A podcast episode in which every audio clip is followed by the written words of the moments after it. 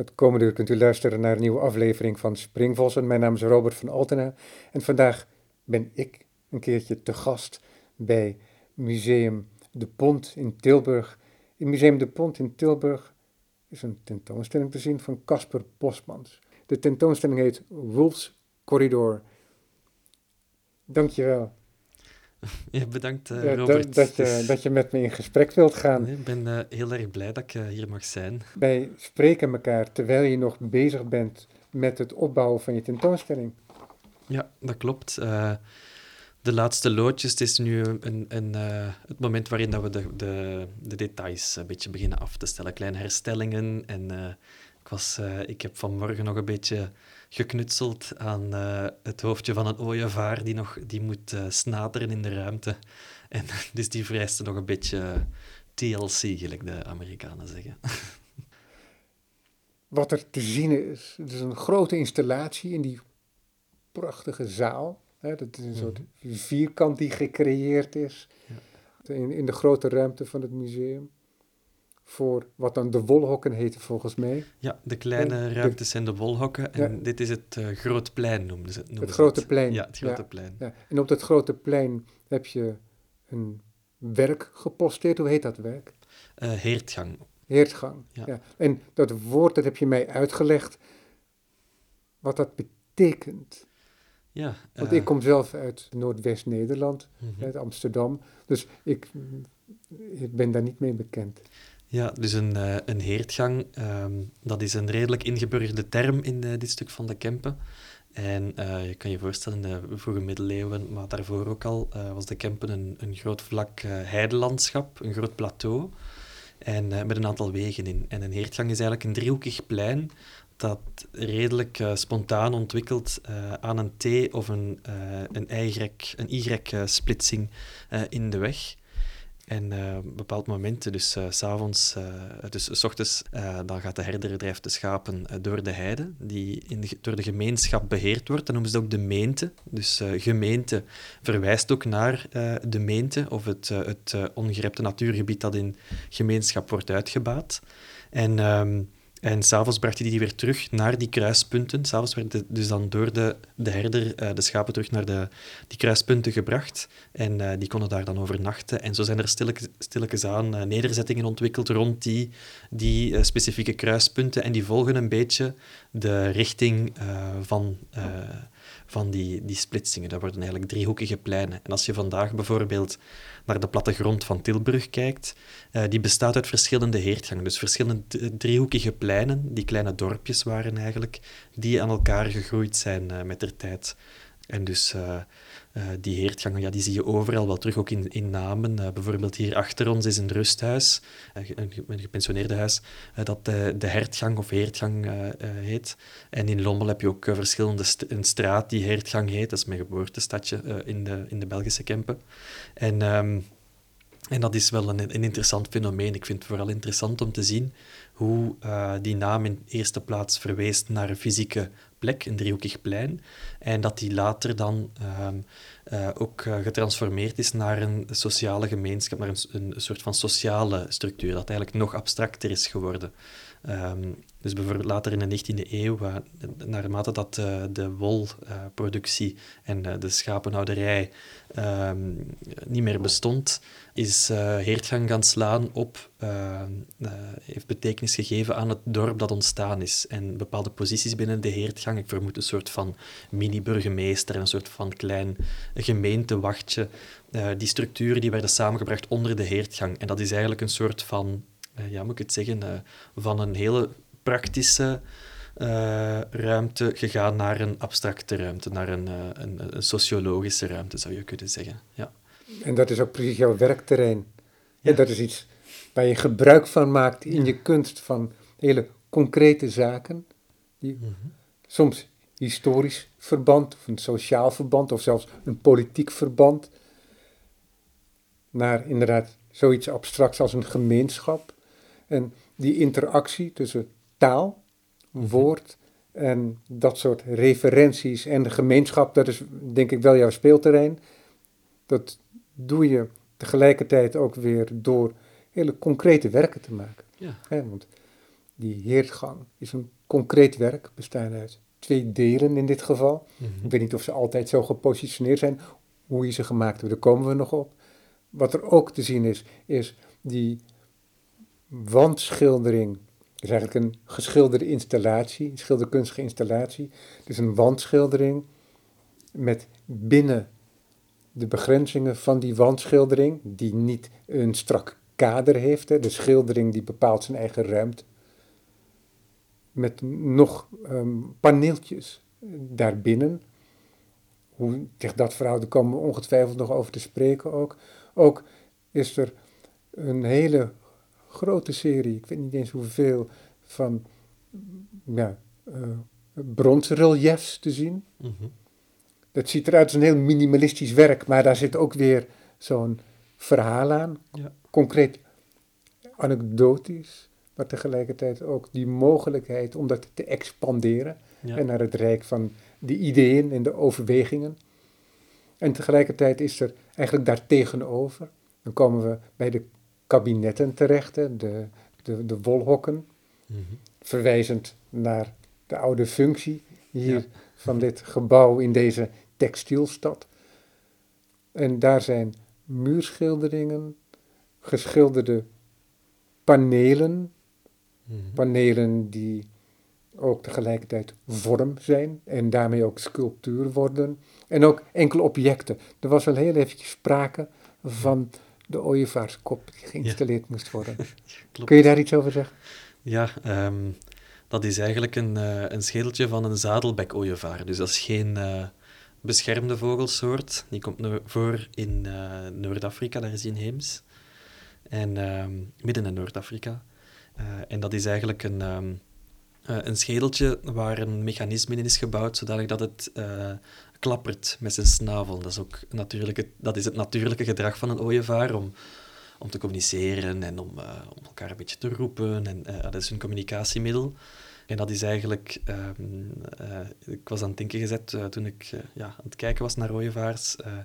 Ehm, ooievaars hebben een heel onderontwikkelde syrinx. Eh, dus bij vogels noem je de stembanden eh, een syrinx. En ze hebben eigenlijk... Eigenlijk kan je bijna zeggen dat een ooievaar geen stem heeft. Wanneer dat een ooievaar kuiken is, dan piept hij en dan maakt hij wel een, een soort krassend geluid.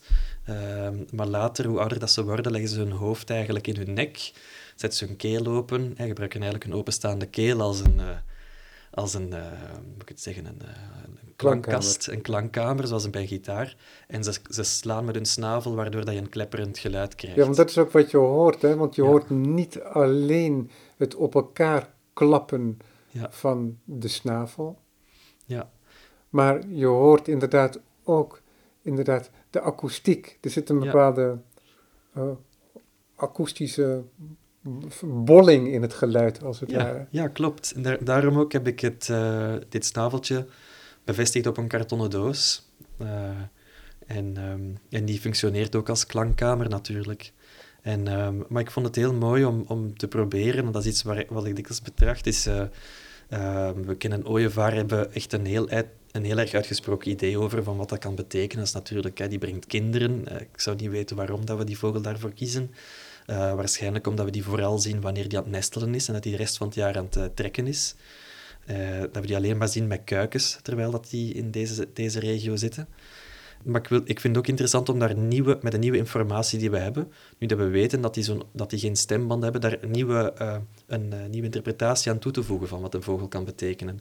Een vogel zonder stem. Hè? Als je aan vogel denkt, denk je meteen, aan, een, eh, aan, aan het fluit. En dat is toch het eerste wat je, wilt, dat je probeert in te beelden. Als in de krant een fo- foto ziet van een nieuw ontdekte vogelsoort, dan begin ik meteen te denken aan wat voor geluid gaat die straks maken. En ehm, het idee van een vogel zonder stem in onze... eh, als je zegt, er is een vogel die heeft geen stem en ik toon die in een ruimte eh, in onze maatschappij vandaag, dan moet Ja. je toch onmiddellijk denken Ja, dat is iets geks, hè? Ja, Dat is net zoiets als de, de zingende muis van Kafka. Hè? Ja. Josephine. Ik weet niet of je het verhaal kent. Ja. dat, dat specifieke verhaal niet. Ja. Dus, ehm, maar, maar ik vind het mooi om te zien, ehm, die... eh, ehm, mijn excuses, ik ben mijn, mijn, mijn kluts even kwijt. Ja, we, we zitten hier op kantoor van het Museum de Pont, dus af en toe dan kan er een, iets plaatsvinden. Dus komt niemand, nu iemand kennelijk uit het museum op bezoek bij het kantoor. Dus vandaar dat u de bel hoort. Maar ja, door mijn Kafka-interventie raakte je van je, van je apropos. Maar ja, dus stemloze vogel. Ja, klopt. En um, um... je komt die vogel tegen. Mhm. Als ik, hè, zoals ik jou nu het afgelopen twee uur heb leren kennen, denk ik dat jij eerst op die informatie stuitte van het feit dat de ooievaar, deze ooievaar, niet zingt. Ja, klopt. Ja, ik vind het interessant om uh, gewoon uh, uh, die, die verhalen te verzamelen. Dat is een soort van, een, dat, is eigenlijk, dat is eigenlijk mijn werk. Is dat soort eigenaardigheden, rariteiten, maar ook gewoon ja, dat soort informatie uh, samen te brengen. En dan uh, door de context gaat dat iets betekenen. Ik had dit werk voor de eerste keer getoond in Oekraïne, dat natuurlijk een uh, verscheurd land is. En daar een, een, vogel zonder stem laten kwetteren, is natuurlijk een, een heel... Dat wil iets anders zeggen dan als we het hier tonen in een wolhok. Neemt niet weg dat autonoom genoeg is om iets te betekenen. maar ik denk ook, dat is de, de kracht van cultuur en van iets dat visueel is en iets dat, dat een esthetische reflectie heeft of, of, iets, iets teweeg brengt. Um, dat wordt ook geïnformeerd door wat wij daarop projecteren en, en hoe daarmee omgaan. Dus heeft een grote mate van autonomie. Maar de eerste aanleiding was eigenlijk een soort van een onderhuidse uh, steek natuurlijk, hè, naar de verschillende krachten die spelen binnen Oekraïne. Ehm, maar dat was ook een tentoonstelling waarmee ik zocht naar... Um, waar ik onderzoek, onderzoek aan toen was naar uh, vroegmoderne staatsvormen, dus meer bepaald de Habsburgers en de invloed van Habsburgers op Oekraïne en uh, een, het, het, oostelijke gedeelte van Hongarije. En het was echt interessant om, te, om, om dan dit soort dingen toe te voegen. Dat is heel simpel ook. Gaat er, dan, je kunt dan die hele complexe, heel ingewikkelde politieke oorsprong tonen. Daar kan je over spreken, maar die kan je ook als aanleiding gebruiken om verder te gaan en, en het ook los te laten en iets heel algemeen neer te zetten, zoals een vogeltje dat niet mag zingen, of waarvan de natuur besloten heeft dat het niet meer moet zingen. En is dat nu juist heel erg gesofisticeerd, of is dat juist heel erg primitief? Dat, dat, kunnen we allemaal in het midden laten. maar het is wel iets dat, dat fascinerend is en tot de verbeelding spreekt. Ja, dat is zeker. Zo'n onderzoek, waarom begin je dat? heb je dan een specifiek werk voor ogen? Of is het zo dat jij je netten sowieso voortdurend aan het uitwerpen bent en datgene wat je in dit geval een onderzoek noemt, dat je in dat schrift dat hier voor mij ligt, dat daar meerdere van dat soort mogelijkheden in zitten waaruit je misschien ooit een keer werk zal gaan maken?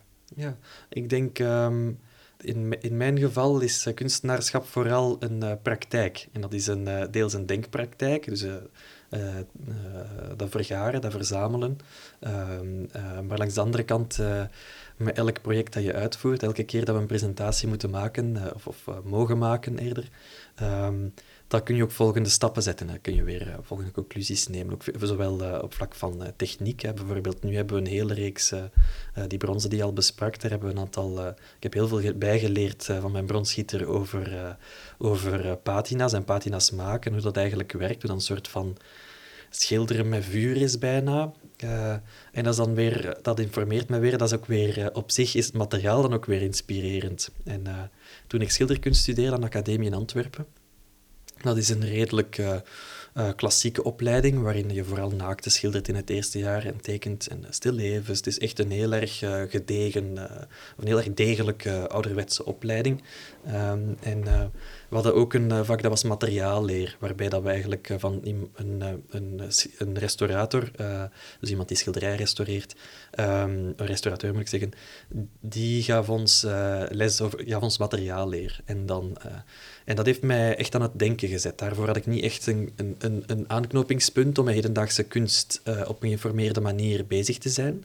Uh, maar dankzij hem, Mark Verbraak was die leraar, begon ik echt na te denken over wat eigenlijk, waar een schilderij uit is opgebouwd. En dat je daar ook heel erg, over, heel erg mee kan spelen. als, het idee dat je... Um, gouaches of, of papier restaureert met steurlijm, bijvoorbeeld, vind ik echt op zich al heel erg uh, poëtisch en mooi en bijna decadent klinken. Um, maar ook dat je met allemaal miner met mineralen, zoals kalk, huidenlijm van konijnenpels, gelatine en hout, dat je daar al een heel schilderij mee kan maken. Dat is echt, ehm, dat is ook gewoon een, ja, al heel interessant. Dat heeft me aan het denken gezet over wat voor materialen kan ik gebruiken. En dat zijn ook de eerste eerder, moet ik het zeggen, conceptuele werken of, of, of uh, uh, postconceptuele werken die ik aan het maken was. Die waren... Um, die, uh, die gingen heel erg over het zoeken naar het juiste specimen, naar het, naar het, naar het uh, materiaal dat het onderwerp vertegenwoordigt, zoals die schedel bijvoorbeeld. Um, en daar hou ik me nu nog niet, niet zo streng meer aan, uh, maar dat was wel de meest directe oplossing om uh, daar iets mee te, mee te doen. Uh, dat was een, daarin was de techniek en het idee heel erg met elkaar verbonden. En het is die spanning tussen waar iets uit opgebouwd is en wat het afbeeldt, dat, is nog, dat, is een, dat is zo oud als de straat, maar dat is nog altijd een heel erg interessante spanning, vind ik. Ja, ja en dan ben je ook nog een stap verder in gegaan, want volgens mij is van daaruit ook een soort logische stap om dan ook te kijken naar hoe zoiets ontstaan is. Ja, zeker wel. Ja, uh, dat, dat vereist uh, analyse gewoon in het algemeen. Ja, dat klopt. Ja, ja, ja. En dat is een spel wat jij graag speelt? Ja, zeker. Ja. En uh, ook in het algemeen heb ik het gevoel dat, dat, dat mijn opleiding nog altijd niet, niet, niet afgelopen is. En dat maakt ook deel, dat, is, dat is gewoon eigen aan mens zijn. Hè. Uh, ik maak mijn werk om mezelf ook te informeren en om, om dingen, soms heel simpel om, om dingen te onthouden. Bijvoorbeeld elke tentoonstelling die ik maak gaat dan, is dan een soort van een cocktail van, ehm, van, ehm, van anekdotes, zou je op een simpele manier kunnen zeggen, die vertaald worden naar de ruimte. Um, en daar maak ik dan in de plaats van dat ik daar teksten voor schrijf, uh, maak ik daar altijd uh, kleine uh, legenda voor. Dus kleine geschilderde panelen, ongeveer zo groot als een notitieboek, als een A4 notitieblok. En, um, het wordt, en die zijn heel figuratief. Die, um, die beelden af wat er fysiek te zien is en waar het naar verwijst. Maar omdat, het echt, omdat ik geen tekst gebruik, word ik niet geciteerd. En dat geeft mij een soort van vrijheid en uh, dat staat ook toe dat die werken kunnen verouderen en dat ik ze kan herinterpreteren later. Dus ik wil u niet uh, um, mijn interpretatie van dat werk uh, te veel voorkouwen. ik vind dat fijn als dat gebeurt op een informele manier, in een gesprek. Maar ik word er niet graag op, op gewezen achteraf in citaten of dat soort dingen. Het is moeilijk om een citaat te gebruiken, maar, maar als je dan een, een, een figuratief schilderij hebt dat veroudert op een andere manier en blijft op een andere manier hangen en uh, krijgt een geeft een andere soort van autonomie aan het werk. Ja. Ja. En, uh, ja, want waar je nu naar verwijst eigenlijk, dat is die muurschildering, die schilderkunstige installatie, -hmm. waar ik aan refereerde, die ook in het Stedelijk Museum te zien was. Hoe heet dat werk? Nine Sisters, negen zussen. Ja. ja, en dat is een verwijzing naar een verhaal uit de klassieke oudheid, die op verschillende manieren verteld is. Ja. En daar is inderdaad een soort basisschildering, een soort legenda die je weergeeft in kleur, ja. maar ook met gebruikmaking van de dieren die in het verhaal ter sprake komen. Mm -hmm. Inden ja. en eksters. En die breng jij bijna in een soort organogram in verbinding met uh, de paneeltjes die in het centrum van het werk zijn bevestigd. Ja. En die dragen ook weer allerlei beeldelementen die je symbolisch zou kunnen lezen, die je als een soort cryptogram zou kunnen lezen. Ja, maar tegelijkertijd kun je het ook gewoon genieten als een beeldend werk. Zou je kunnen vertellen wat die, dat verhaal wat erachter zit? Ja. wat dat behelst? Ja, um, dus je ziet eigenlijk um, uh, het, uh, het verhaal Nine Sisters verwijst naar uh, de Pieriden. En dat zijn eigenlijk negen zussen, de dochters van Pyrrhus. En um, ik zeg de naam waarschijnlijk weer verkeerd. dat is het nadeel van te schilderen in plaats van te schrijven. en maar ehm, dat is eigenlijk... Ehm, er waren negen zussen die aan het spinnen waren of aan het weven. En... En de muzen waren op doortocht door het eiland waar dat zij zich bevonden. Of hoe heet het? Berg Helicon is het zeker, waar de muzen verblijven. Dus waren daar, wordt gesponnen. En en op den duur komt er een weddenschap tot stand van wie de beste verhalen kan vertellen. Met onder andere Minerva als scheidsrechter, zou je kunnen zeggen. En uh, nu, al de verhalen die de, de negen zussen aan, het vertellen waren, waren eigenlijk een beetje gênant voor de goden. Dat ging over monsters die ontsnappen onder berg Etna en de goden moeten vluchten en moeten zich vermommen. Allemaal heel erg, ehm, moet ik het zeggen, god, godslasterlijke, gênante roddels bijna. En ja, Ovidius schrijft daar heel mooi over en geeft heel mooi weer hoe dat wordt soort verhaal binnen zijn verhaal. Dat is heel schoon uh, uh, ja, in, in, taal omgezet. Heel erg, heel erg omdat het in de metamorfose staat, is de focus natuurlijk heel erg, gaat natuurlijk heel erg over de fysieke verschijningsvormen en hoe iedereen verandert. En um, goed, zij, winnen hun, zij verliezen hun wet, weddenschap. Hè. Ze, ze, ze beledigen de goden. Hun verhalen zijn niet zo mooi verteld zoals de muzen dat kunnen. En als straf worden zij veranderd in negen kwetterende eksters. Roddelende vogels die een slechte reputatie hebben nog altijd. Het is interessant hoe uh, dan zo'n geformaliseerde wedijver ja. uiteindelijk uitmondt in uh, ja, eigenlijk een soort verbanning. Ja, ja. En, ja, een, een, eh, een permanente dus straf. Niet, dus niet in een symbolische beloning of wel, ehm, ja, wat is het, symbolisch verlies, maar in een daadwerkelijk verlies van, uh, van je eigen vorm, je eigen wezen. Ja, ja. dat is interessant, hè? Ja. En um, wat ook interessant is, is dat wij nog altijd naar extras kijken als uh, dieven. Hè. Ze, je hebt extra ogen, uh, je zet een extertje, zou mijn grootmoeder zeggen, omdat ik van, heel erg van blinkend metaal en dat soort dingen houd, van kitsch natuurlijk. En... Uh, dus dat is op zich wel interessant dat we nog altijd kwaliteiten toedichten aan extras. En dan weet ik niet wat er eerst was, het verhaal of, uh, of, uh, of de natuur. Um, waarschijnlijk om Oscar Wilde te citeren, als we Oscar Wilde mogen geloven, dan imiteert de natuur de kunst. Dus laat ons er maar van uitgaan dat sinds dat Ovidius dat geschreven heeft, de extras zilveren lepeltjes zijn gaan stelen overal. Precies. Maar, uh, dus ik had dat verhaal gemaakt. Ik vond het is een heel nuancerend verhaal. En ze zijn al gestraft. En uh, je ziet eigenlijk in de muurschildering een grote tekstballon. Al de negen extras delen één tekstballon. En daarin staan al de, staat een, zit een verzameling van legenda die ik zelf gema gemaakt heb. Een verzameling van andere verhalen. Maar ik vind het heel interessant dat je... Dat, het is een soort van zelfspot ook. Het, uh, de relativiteit van, um, van verteltradities en hoe al wat je, wat je doorgeeft, dat je daar toch iets aan toevoegt zelf en dat je dat verandert. Dat niets kan doorgeven, bijna niks kan doorgegeven worden zonder transformatie, buiten de wetenschappelijke wereld waarschijnlijk, um, hè, zonder dogma's. Um, en en,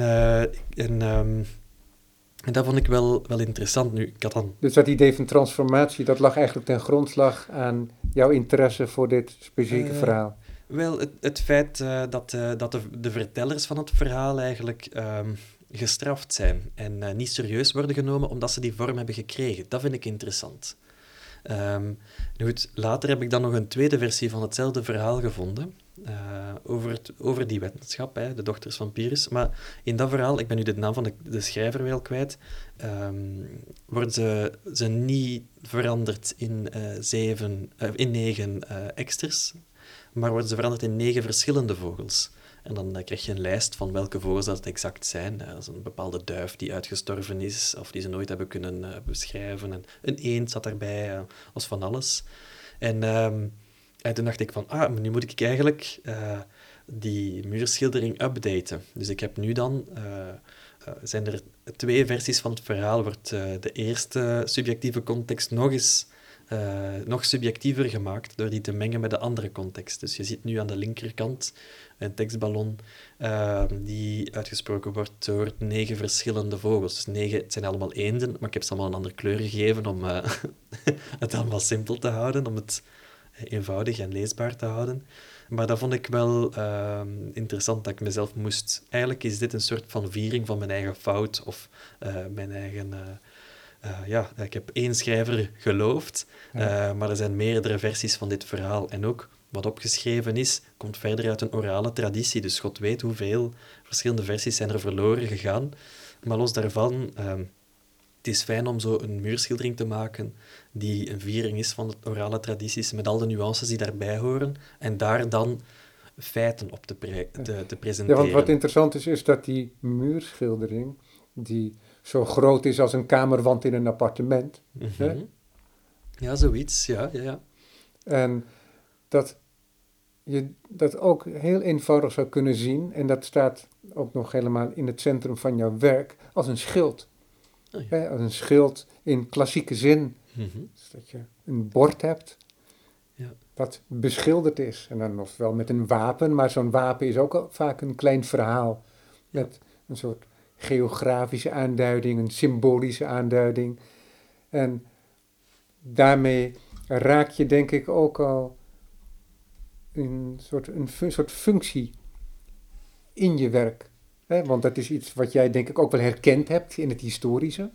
Maar tegelijkertijd ben jij een kunstenaar die nu in de 21ste eeuw werkt. En Ja. dat op je eigen manier benadert. Dus je gebruikt mogelijkheden die je geboden worden. Mhm. In zekere zin is die geschiedenis voor jou ook een soort voorraadkamer waar je uit kunt putten om je eigen werk mee te maken. Maar dat doe je niet op zo'n manier dat je het volledig veronachtzaamt. Het is niet dat je alleen maar je eigen verhaal vertelt. Je Nee. blijft jouw verhaal, blijf je links en rechts, misschien achter en voor, open houden Ja. voor die andere contexten. Ja, zeker. Ik denk ook, ehm, ehm, ja, dat heb je eh, mooi gezien. Dat ik wel fijn dat je het zo, zo verwoordt. Ehm, eh, wat ik wil doorgeven, ik heb, ik heb geen pamflet. Eh, ik heb geen, eh, geen duidelijke ambities van wat, ik, wat, wat mijn boodschap is in mijn werk. Eh, maar ik vind het wel fijn om, om vrij om te kunnen gaan met, met onze culturele geschiedenis. En, en, dat ons, en proberen dat ook terug in, te integreren in, ons, in onze maatschappij en in, in, in, in alle culturele activiteiten die, wij, die, die voor vandaag relevant zijn, zoals schilderen en, en programma's schrijven en eh, ehm, performances doen. En, ehm, en als je spreekt over... Doe je ook performances? Eh, ik heb een tijd gedaan ehm, met eh, een Noorse kunstenaar, Marterom Fortuyn, eh, maar daar ben ik mee gestopt omdat het heel erg uitputtend is en dat het te dicht op mij, mij als persoon zit. En ehm, daardoor, ja, ik had er geen gezonde strategie voor gevonden, ik zal het zo zeggen. Maar als ik terug ga naar dat wapen wat je beschrijft, een natuurlijke wapen, dat gaat heel, de meest primitieve vorm, het is eigenlijk een soort van logo. Hè. Het gaat over en zeggen van, kijk, ik ben anders dan jij. Het gaat over differentiatie. Hè. Het gaat, eh, ehm, het gaat om, om, om duidelijkheid te vinden in, eh, in de variëteiten. Hè. Ja, maar wat interessant is daarin ook, is differentiatie, maar allemaal uitgedrukt op eenzelfde vorm, Ja, ja. binnen eenzelfde gedelimiteerd veld. Binnen een stramien met regels, ja, Ja. ja, tuurlijk. Maar dat is eh, ja, iconografische regels. Hè. Ik moet zeggen, ik, ik pas ze niet heel erg eh, strikt toe. Ik ben geen... een, eh, geen ik, ik spreek niet met herauten of heraldici, hoe je het ook mag, mag, mag noemen. Maar ehm, eh, in, ik heb natuurlijk lang een eh, fascinatie gehad voor, voor heraldiek. Ehm, maar eh, het is ook, zoals je zegt, die, regels, daar kan je grappig mee omgaan. Dat is een soort van taal die je kan toe-eigenen. Maar net zo goed gebruik ik taal van grafische vormgeving en, en, en illustratie om dingen door te geven. Maar wat ik heel een interessante ontdekking vond is, of waar ik me heel erg in thuis voelde, iets meer nog dan enkel dat wapen, is ehm, eh, omdat die, dat wapen gaat echt over zelfuitdrukking, over eh jezelf, uw identiteit, identiteit bevestigen. En dat ben ik niet. En creëren. Ja, ook, creëren. er ja. een hoop fictie, Ja, gaat er, ik eh, hou- komt erbij kijken. Het is- zou beter zijn om die fluïde te, te houden. Hè? Omdat je, zoals we al zeiden, als mens eh, u, u, uzelf in ontwikkeling houden. Dat is echt het belangrijkste wat je kan doen, denk ik. En ik was in het, ehm, dingen in, het, in Gent, in... ehm, hoe heet dat museum nu weer? Van, voor folklore en volkskunst in Gent. Eh, ik ben het nu even vergeten. En eh, daar hadden ze een, een soort plakkaat hangen van een rolzanger. En blijkbaar was een rolzanger iemand die met een rol, een opgerold stuk papier of textiel, de ene jaarmarkt na de andere afschuimde om eh, een verhaal te zingen of op te zeggen. Bijvoorbeeld gaat de rolzanger die een verhaal ontrolt waarop hij al de scènes van de slag van Waterloo uh, heeft uh, getekend. Of een uh, vrouw die, die dan begint te zingen, die rondtrekt en eigenlijk zingt en, en tegelijkertijd bepaalde afbeeldingen aanwijst als een soort van stripverhaal, om te zeggen ehm, dat haar man haar bedrogen heeft en dat ze haar kind verloren heeft en, en dan ook een grap daarbij en dat ze zat was en haar broek had gepist en dat soort dingen. En dat vind ik interessant, want dat, is, dat heeft zoiets... Um, daar voel ik me wel in thuis. Um, omdat het echt die, didactische kwaliteit heeft. En ik vond het ook heel fijn om alleen dat voorwerp te zien en niet die uitleg te hebben. En, um, dat heeft, en die anonieme kwaliteit, die vind ik echt sterk. Dat is uh, visueel zo onaf, onafhankelijk. Je, je voelt dat daar iets bij gezegd moet worden, maar je moet daar de uitleg niet van hebben om, om, dat, uh, om dat, uh, die, die kwaliteit te appreciëren. En, uh, en dat vind ik heel uh, interessant. Dat is echt uh, dat is de autonomie van de kunst, hè? van, de, van, van het visuele en het figuratieve en zo. Um, en, um, en dat is iets wat mij heel erg motiveert. We hadden het daar straks nog over um, de carte blanche van de kunstenaar en, en hoe ja, dat er soms ruimte moet zijn binnen de kunstwereld voor intuïtie en voor een intuïtieve selectie van uh, afbeeldingen of van verhalen. En dan gaat natuurlijk een keer iets, ga je iets ontdekken dat pijnlijk is of dat uh, iemand gaat beledigen. Ja, en, dat, dat, want hè, om dit te omkleden, ja. dat uh, kwam bijvoorbeeld uit een gesprek dat je, als je met een kunstenaar in zee gaat, dat je bereid moet zijn om ook de onzekerheid te accepteren dat het kan mislukken. Ja. Dat is de onzekerheid waarmee de kunstenaar elke dag leeft. En die onzekerheid die wordt niet altijd meer geaccepteerd. Ja. Misschien is dat van alle tijden, dat kan niet over mijn eigen tijd heen kijken. Maar dat is in ieder geval iets wat ja. bestaat. En die onzekerheid, we proberen onzekerheden over het algemeen te verbannen uit ons leven, maar het is een vorm van onzekerheid die zonder welke een kunstenaar niet kan bestaan. Ja, ja denk ik wel. Um, ja, en ook uh, het gevaar is van deze positie natuurlijk. Um, op een bepaald moment ga je het over esthetische normen en waarden en het K-woord. Uh, daar, die, kun, die kan je, als je het gaat kwantificeren, waarom je de ene kunstenaar toelaat van intuïtief te zijn en de andere niet. De ene moet uh, zich echt verantwoorden, vooral jonge kunstenaars vandaag die nu afstuderen, die hebben veel verantwoording nodig. En um, in welke mate dat, dat waar is, is natuurlijk allemaal ja, relatief, maar...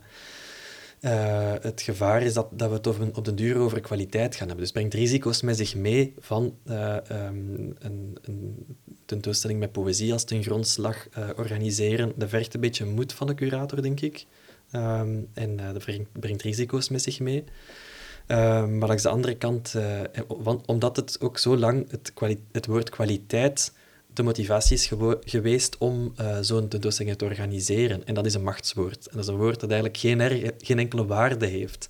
En ik denk dat, daar vooral, uh, dat we daar vooral uh, vandaag mee bezig zijn. Ik denk ook dat, um, dat dat verder ontwikkeld kan worden. Um, dat, dat, dat we zonder het, het K-woord echt wel goede tentoonstellingen kunnen maken die esthetische grenzen verleggen en, en ons gaan, dingen gaan bijleren. Daar, denk ik echt wel, daar ben ik wel van overtuigd. Ja. ja laten we naar een concreet werk gaan. Ja. We hebben er eigenlijk een beetje omheen gedraaid. Uh, het werk, de hertgang, mm -hmm. dat ligt ook in het centrum van het plein, zoals ja. dat net benoemd wordt. het heeft ook radialen. Dus in die zin hebben we ons in dit gesprek eigenlijk al ten opzichte van dit werk bewogen hè, naar ander werk. We hebben niet alles besproken, dat zal ook niet gaan, maar er zal nog wel in het een en ander ter sprake komen. Maar die hertgang, dat bestaat uit twee delen die met elkaar te maken hebben. Je hebt al eventjes uitgelegd wat zo'n hertgang is. En uiteindelijk zorgt dat ervoor dat er een transport is van schapen ja. naar de nachtverblijven, dus naar een kern. En dat betekent dus dat er een samenballing plaatsvindt en dus ook een versmalling. Die versmalling die zorgt voor een soort vorm in het landschap die je hebt teruggevonden op kruispunten, zei je. Mhm. En dat zijn vaak driehoekige vormen. In dit geval zie je ze terugkeren in jouw werk als een soort trapezoïden. Mm die inderdaad uiteindelijk samengebald, inderdaad convergeren naar een soort centrum. Dat centrum, dat is symbolisch, maar tegelijkertijd ook fysiek het centrum waar uh, de mens verblijft. Ja. Hè, en de mens zijn nacht doorbrengt in veiligheid. Ja. De haard. Ja, de haard. Daar, uh, in uh, dialect zeg je ook uh, de heiert. Iemand door de heiert jagen. Zeggen ze in Lommel bijvoorbeeld iemand door het, het huis jagen. Hè? Ja, die, um, de vormen die je beschrijft, eigenlijk kan je zeggen dat het een soort van taart taart is uit, die uit verschillende punten bestaat. En elke punt is driehoekig natuurlijk. En dan zie je de hoofdweg die daarin in hout is in verwerkt. Um, en die vormen zijn gevuld met zand, aangestampte witte aarde. En um, die wordt afgeschraapt en daar leggen we dan stencils op en daar maken we dan patronen mee. En, en voor de mensen die ja. dit nu niet zien, kan ik wel een soort gelijkenis aanduiden -hmm. met vakwerkhuizen. Oh, grappig, ja. Oh, ja. Want daarom, toen ik in eerste instantie keek naar het werk, dacht ik, is het nou daadwerkelijk leem wat ik zie?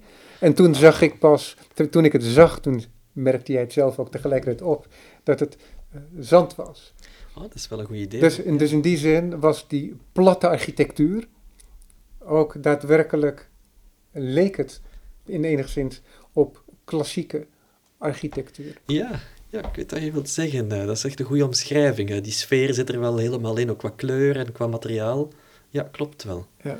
En uh, je ziet eigenlijk uh, een reeks schaapjes, die natuurlijk verwijzen naar de Ja, die in een soort vries ja, uh, aan de bovenkant zitten. zijn vormgegeven. Ja. En dan ook heb je eigenlijk een klein pad dat van de hoofdweg afwijkt. Dus uh, laat ons zeggen, er loopt een, uh, een, uh, een straat door elke taartpunt heen. en van die straat krijg je een klein zijpadje, een olifantenpadje. En zo, je hebt ook veel van de straten rondom die heertgangen vandaag nog, die, een, die als straatnaam pad krijgen. Bijvoorbeeld in Lommel heb je het Einderpad, een van de belangrijkste straten van, van het centrum. Maar die hebben, die, die hebben een relatie, die gingen, dat waren echt kleine zandweggetjes die uh, tot in de jaren zestig echt gewoon de heide inliepen, de, de, de, de, de meente inliepen, de, de, Ja. de, de gedeelde gronden inliepen. En het is door, door die, die vormen nu, die, die vereenvoudigingen van die heertgangen, tegen elkaar te plaatsen, dat die kleine paadjes, die geïmproviseerde paadjes, één geheel vormen. En dat vind ik heel fijn. Dat benadrukt zo die, het idee van gemeenschap. Casper, ik onderbreek je nu, maar Ja. om een duidelijk beeld te krijgen. Wat ik zie hier is een geformaliseerde plattegrond Mhm. van die hertgangen. Is het een specifieke plek waar je naar refereert of heb je veel meer afstand en is het een mogelijke representatie van een mogelijke hertgang? Het is, het is echt eh, het is hypothetisch, zoals je zegt. Hertgangen gaan zich nooit zo organiseren. Ehm, maar het is een soort van eh, geometrisch spel geworden. Eigenlijk. Het is echt... eh, het is, als iemand gaat kijken, gaat, want in, in Tilburg is het idee van de hertgang echt wel ingeburgerd. Dat is echt wel een, het maakt deel uit van de, de Tilburgse mentaliteit. Ja, ik kende het helemaal niet. Ja. Ja, ik heb ook niet gemerkt dat... Ik heb hier ook echt leren kennen... le- le- eh, ben ik, ook, ik ben hier ook te weten gekomen dat het zo, eh, zo prominent op, eh, op ieders lippen ligt, blijkbaar. En, ehm, en dus het is nooit mogelijk van hertgangen zo tegen elkaar te plaatsen. Ik denk niet dat er, dat er zoiets iets bestaat. Dus het is een soort van onmogelijke puzzel. Ehm, maar het, het spreekt op deze manier wel eh, tot de verbeelding, denk ik. Ehm, maar wat interessant is, is om te zeggen, ehm, is dat in zand is uitgevoerd. En eh, zandtapijten, ja, dat is een, eh, ook een, folklorist, een, een, een, vol- een volkskunsttraditie, een folkloristische traditie. Ehm, vroeger werden de, de, de stenen vloeren werden gekuist met zand, werden ja, gepoetst met, met wit zand. Dan kan je de inwoners van Amsterdam, die kunnen bijvoorbeeld naar eh, dingen gaan, hoe heet het cafeetje daar op de hoek, als ze het nog overleefd hebben, ik hoop het wel. Eh, Café Chaos, daar ligt ook nog wit zand op de vloer om, eh, en, en pindanoten om, om de vloer te kuisen.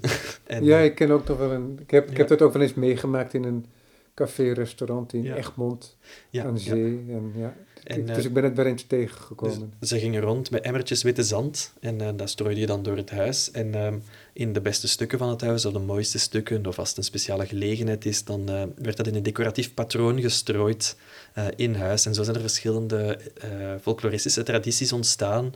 Ehm, eh, bijvoorbeeld, om het weer eens over mijn thuisstadje Lommel te hebben, daar hebben ze een jaarlijks zandtapijtenfestival of een, een wedstrijd. voor- Want dat is ook iets wat jou heel erg aanspreekt, stel ik me voor. Ik projecteer nu van alles op je, maar ik ga ook uitleggen wat ik bedoel.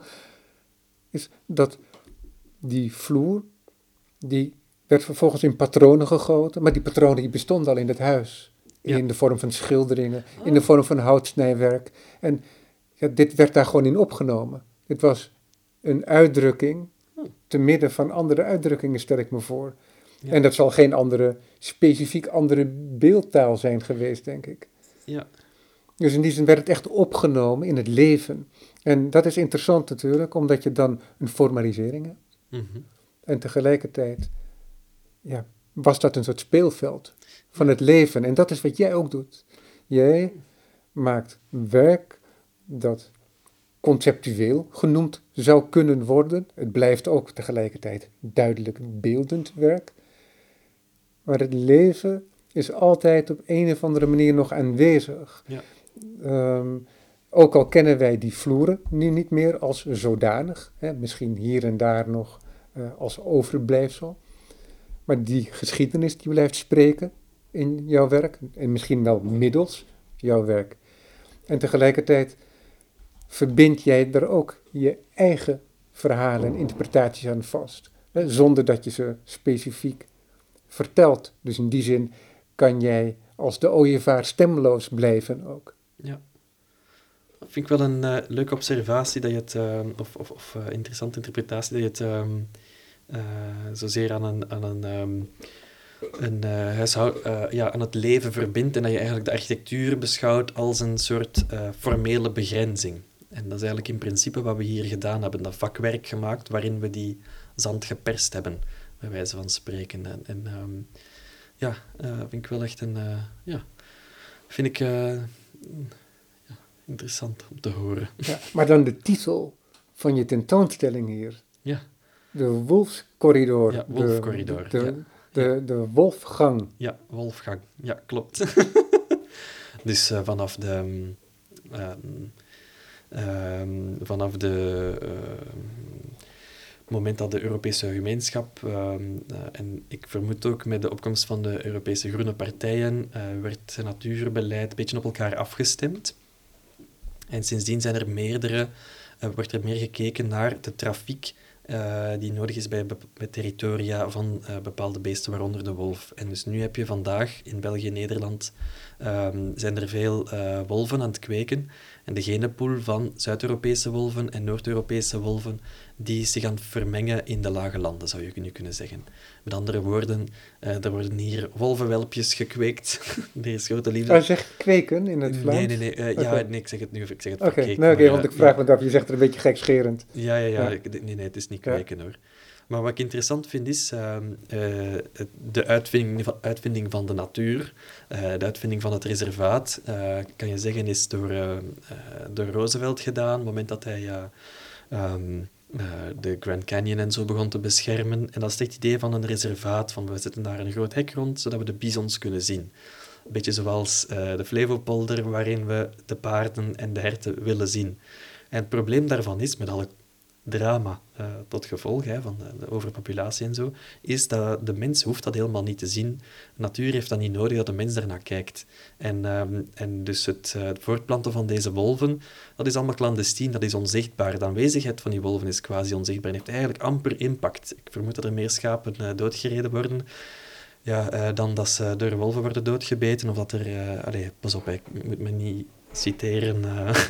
ik weet niet of dat het, eh, dat het effectief zo is. Ik heb daar geen onderzoek naar gedaan. Maar het Ehm, wordt nogal opgeblazen. Ja, denk ik wel. Maar dat is ook gewoon omdat eh, het spreekt zo tot de verbeelding. Ik snap het wel. We zijn hier verhalen aan het maken. En dat is het belangrijkste. Ja, denk dat is, maar dat is ook interessant, hè, omdat ik vertelde al dat het, het is die, de, de historie in je eigen verhaal, maar ook het leven van alle dag speelt een rol. En tegelijkertijd door de formalisering hangt er om dat werk ook iets van een sprookje. Ja. Daar speel je op in, denk ik Ja. ook. In, eh, in China is er een hele zone geweest, een reservaat voor panda's. En eh, die hebben een heel grote, die hebben iets, laten we zeggen, per panda heb je 40 hectare of wacht, dat is 4000 hectare eh, bamboebos nodig. En die leven van bamboescheuten. En goed, dan hebben ze gezegd, dat hebben ze berekend, we hebben zoveel panda's. Ehm, we steken in dat reservaat, hebben we één panda, we hebben 4000 hectare daarvoor nodig. Daar zit een grote omheining rond. Wat blijkt nu? Eh, bamboe, dat is een migrerend bos. Dat is eh, tien jaar staat het op dezelfde plek. Op een bepaald moment eh, is die grond uitgeput en verhuist dat bos eh 20 kilometer verderop. Ach, Waardoor dat, dat reservaat eigenlijk, die panda moet dan mee migreren met dat reservaat. En je kan eigenlijk in zekere zin zeggen dat die wolfcorridor, eh, die verwijst daar naar, naar die kleine verbindingen. Eh, dit zijn dan eh, clandestine stukken natuur die door industriegebieden lopen, omdat die migratie belangrijk is voor de grootte van dat territorium, voor die voortplanting, voor die uitbreiding van die genenpool. En dat vind ik interessant. en om wij, omdat wij zijn dingen gewend om af te bakenen. Ja, exact. Maar ook Ja. we bakenen dingen af omdat we ze dan kunnen zien. Omdat we ze dan onder controle hebben. En, eh, en de, de menselijke bevrediging is nergens voor nodig in dit verhaal. Dat is allemaal cultuur. Maar natuur heeft, werkt volgens andere regels, eh, met andere ethische regels, zonder ethische regels. En, eh, eh, en dat is interessant om te zien hier. Eh, ik vind de Wolfcorridor spreekt zo tot de verbeelding. Eh, ik heb het gelezen in het Belang van Limburg, dat woord, volgens mij. Ehm, en het is een... ehm, eh, je hebt er meteen een beeld van. En het is zoiets clandestien, maar het is ook zoiets poëtisch. En we zitten hier in een zone, in, in een grenszone, en die grenzingen, begrenzingen, zoals je zegt, het vakwerk, bij wijze van spreken, de lintbebouwing, de heertgang, die eerste nederzettingen, in die grote vlakte, die grote meente van de Kempen, die grote heidevlakte, dat is echt interessant. De invloed van eh, ja, hoe we ja, cultuur is quasi afbaken, hè, is dat schild maken, is zeggen ik ben anders dan jij en, eh, en dat heeft iconografische gevolgen. En, eh, en dat is echt interessant. Dat, dat stelt ons scherp, dat maakt dat wij iconografische stappen kunnen zetten en dat we kunnen verder gaan. En misschien is het interessant om dan meteen door te gaan naar, naar de verhalen over de botersmokkel hier in de buurt. Ehm, Ja, want dan stappen Ja. we over van de hertgang naar een werk wat op een hele lange wand en ook nog met een hoek mee, nog steeds op datzelfde plein, eh, als een minimalistische reliefserie in eerste instantie, op het eerste oog, daar aan de muur is bevestigd. Hoeveel varianten zijn er? Eh, we hebben er 42 gemaakt. en, eh, en het zijn allemaal combinaties van negen blokjes boter die we tegen elkaar hebben ge- geschoven. Ehm, en, eh, en die hebben we afgegoten in brons. In plaats van eh sier perdu kan je zeggen beurre perdu. Dus in plaats van de verloren wastechniek, een verloren botertechniek. Wat sowieso al eh, tot de verbeelding spreekt. Hè, dat de bronsgieterij in de plaats van dat was naar... eh, naar uh, goede bakker ruikt. en ehm, daar hebben we eh, een hele reeks gemaakt van eh, die werkjes aan de muur, eh, met allemaal verschillende patina's. En ehm, hier in de buurt heeft iedereen verhalen, ook mijn grootvader heeft familieleden, en iedereen heeft familieleden, die boter hebben gesmokkeld. Altijd, vooral de mannen natuurlijk, die daar verhalen over vertellen. En de botersmokkel is eigenlijk ontstaan uit de Tweede Wereldoorlog hier. Ehm, eh, toen zijn er grote, hoge taxen gekomen op eh, boter in België. Boter in België was duurder dan in eh, Nederland. Hier werd heel veel margarine genuttigd. Ehm, dat was goedkoper. En, maar er was wel een grotere zuivelindustrie dan in België. Maar in België heb je nog een beetje, de Franse invloed, waardoor dat er meer vraag is naar echte boter. En werd op andere manier gekookt. En die margarine moesten ze niet hebben, nog altijd niet. maar, maar het is interessant, dus dan eh, zijn er... Zijn, De betere keuken moest ook Ja. goed gevoed worden. ja, en dan werden de sluipweggetjes eh, door de bossen eh, werden gebruikt om, om boter te smokkelen. Het begon met de jute rugzakken, die er speciaal voor zijn gemaakt. En op den duur werd alles in een autootje en in een kruiwagen wat meegenomen. Op den duur werden er Cadillacs gekocht om te vullen met boter en dan de, de grens over te racen door, ehm, ja, door de bossen in die zandpaden, door de modder, met kraaienpoten achter zich uitstrooiend om de douane voor te zijn. Maar heel interessant, er zijn zoveel verhalen over en ieder doet er heel guitig over. Ehm, En omdat het werd gezien, werd, het kwam niet op je strafblad. Dus als je, als je betrapt werd, uh, kreeg je, dan werd je boter in beslag genomen en werd je de grens overgejaagd of uh, werd je ook losgelaten gewoon. Afhankelijk van hoe dat uh, ging. Dus het, het, was, werd gezien als een economisch delict, geen, geen strafbaar feit. Waardoor dat het beschreven wordt in bepaalde artikels als de meest romantische misdaad van de lage landen van de tweede helft van de 20e eeuw. En... Um, en dat vond ik wel interessant, een interessant statement van, ah ja, een, een romantische misdaad. ja, um, maar als ik daaraan denk, dan denk ik van, ah ja, dat moet toch, dat moet toch een alternatief voor zijn. Dat is een, dat is een term die moeten we opeisen voor homoseksualiteit. Dat moet toch de meest romantische misdaad, hè, verboden liefde, dat moet toch de meest romantische misdaad geweest zijn van de 20e eeuw. En daarvoor, al wat daarvoor komt. Dus, dus ik heb nu dan die reliefs gemaakt, die reeks negen blokjes boter, in brons afgegoten. Een viering van de botersmokkel, van de verhalen over de botersmokkel, van, uh, van vervelende oude mannen die daarover spreken. en ehm, die daar speciale tankwagens en vrachtwagens verkochten.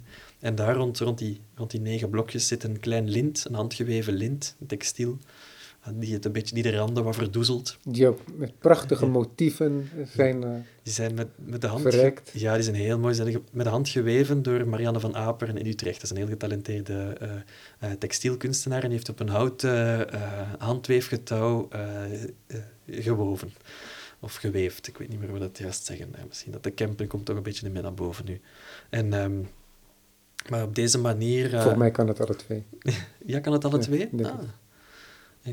En um, uh, die, um, het is interessant om te zien, uh, of, of interessant om te proberen van dat verhaal verder te zetten, maar daar iets mee te insinueren. En uh, dus de titel van het werk is Boy Butter. En Boy Butter, dat is een, een intiem lubricant voor heel erg stoute jongens. De mensen kunnen dat thuis nog eens allemaal googlen.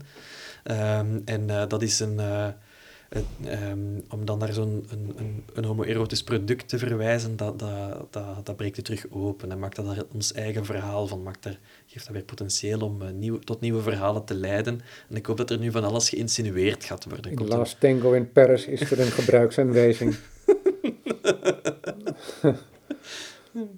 ja. Maar zo, um, het is, het is um, maar ook, het is niet zomaar dat ik uh, voor brons heb gekozen. Niet alleen het idee van smeltende boter, boter op lichaamstemperatuur, uh, boter uh, die, die verbrandt. Ehm, je ziet het allemaal al voor als je denkt aan beurre perdu, aan sier perdu. Maar ook, grappig genoeg, een aantal jaren geleden, echt niet lang geleden, minder dan vijf jaar geleden, is, de, is het oudste bewijs van bronsproductie in de lage landen hier in Tilburg gevonden. Wandelafstand van waar we nu zijn. En daar hebben ze een scherf gevonden van een smeltkroes, um, die, um, waarin een ingebedde druppel brons is uh, gevonden. En um, het is vrij zeker, uh, dat weet ik door Ferdi Geers, de stadsarcheoloog van, uh, van Lommel. Die heeft me daar nog extra uitleg over gegeven, dat is heel, heel vriendelijk van hem dat is hoogstwaarschijnlijk recyclage geweest. Dus uh, er gaat, gaan geen ertsen verwerkt. Uh, er werden geen ertsen verwerkt. We spreken van iets van een 2000 voor Christus. Dat is echt lang geleden. Of 1000 voor Christus, uh, ja, we niet. En, um, hersmelten. Ja, het hersmelten, het omsmelten van, uh, van bestaande broches naar, andere, naar een andere vorm. Eigenlijk een, een soort van vormupdating. Dus eigenlijk een soort van iconografische praktijk. Een, een, een, eh, een hervorming, een recyclage, maar ook het omvormen naar een nieuwe vorm. En dat is exact de strategie die we gebruiken bij deze, bij deze boter, door die boy butter te noemen, door die homoerotische insinuaties te maken. En dat is ook wat jij doet, toch? Ja, hetzelfde materiaal. En, uh, met, dat je met bestaande materialen, dat je die omvormt. Ja in je eigen werk. Dat is eigenlijk wat iedereen doet. Tuurlijk, want dat laat ik heel flauw zijn. zou het zijn om dat inderdaad zo op jouw werk te projecteren. Maar dat is wat een kunstenaar doet. Hè. Een kunstenaar die werkt niet in een isolement. Ook niet die schilder die alleen maar in zijn atelier staat. Die doet dat niet alleen. Ja, ja. En alleen bij jou is het in jouw werk, in jouw praktijk, is het wat klaarblijkelijker. Ja. Dat die wereld bij jou ook in die smeltkroes terechtkomt. Ja, maar al bij al blijven de, de, de, de, anekdotes uh, nog redelijk autonoom. Dus je kan hier perfect een, een, een, een, uh, een uh, moet ik het zeggen, een, een heemkundige rondleiding geven van, over, over Tilburg. Maar je kan ook over totaal andere dingen spreken. En dat vind ik heel fijn. Dat, je, dat het, het werk is ter beschikking en, en je kan het naar je hand zetten. We zijn echt aan het einde van het gesprek beland, maar ik wil nog niet onbenoemd laten dat er in die wolhokken, waar al even sprake van is, dat daar muurschilderingen zijn. Die muurschilderingen zijn uit twee kleuren, onderverdeeld met een horizontale scheiding.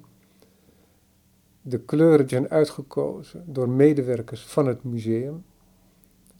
Die hebben dat in goed overleg gedaan, want het zijn allemaal variaties op dezelfde kleur. Het begint met, laten we zeggen, een klassiek koningsblauw met een soort bronskleur. En tegelijkertijd krijg je dan in elk volgend kabinet krijg je een andere soort blauw en een ander soort bruin, afgeleide daarvan. En daarbij zijn objecten geplaatst. Er was al even sprake van de klepperende ooievaarsbek, maar er zijn ook schilderijen van jou, schilderijen die tegelijkertijd ook sculptuur zijn. Maar ik heb ook bedacht toen ik dat zag, dat ze tezamen ook weer een schild vormen met beeldenissen. Oh. Alleen ja. Eh, gedemonteerd in de ruimte. Maar goed, prachtig werk ook. Zoals de hele tentoonstelling bijzonder geslaagd is. Merci. Wolf Corridor van Casper Bosmans. Begin juni gaat het in, naar goede verwachting open hier in de Pont. Ja, klopt. Dankjewel voor dit gesprek. Merci, heel fijn om hier te mogen zijn.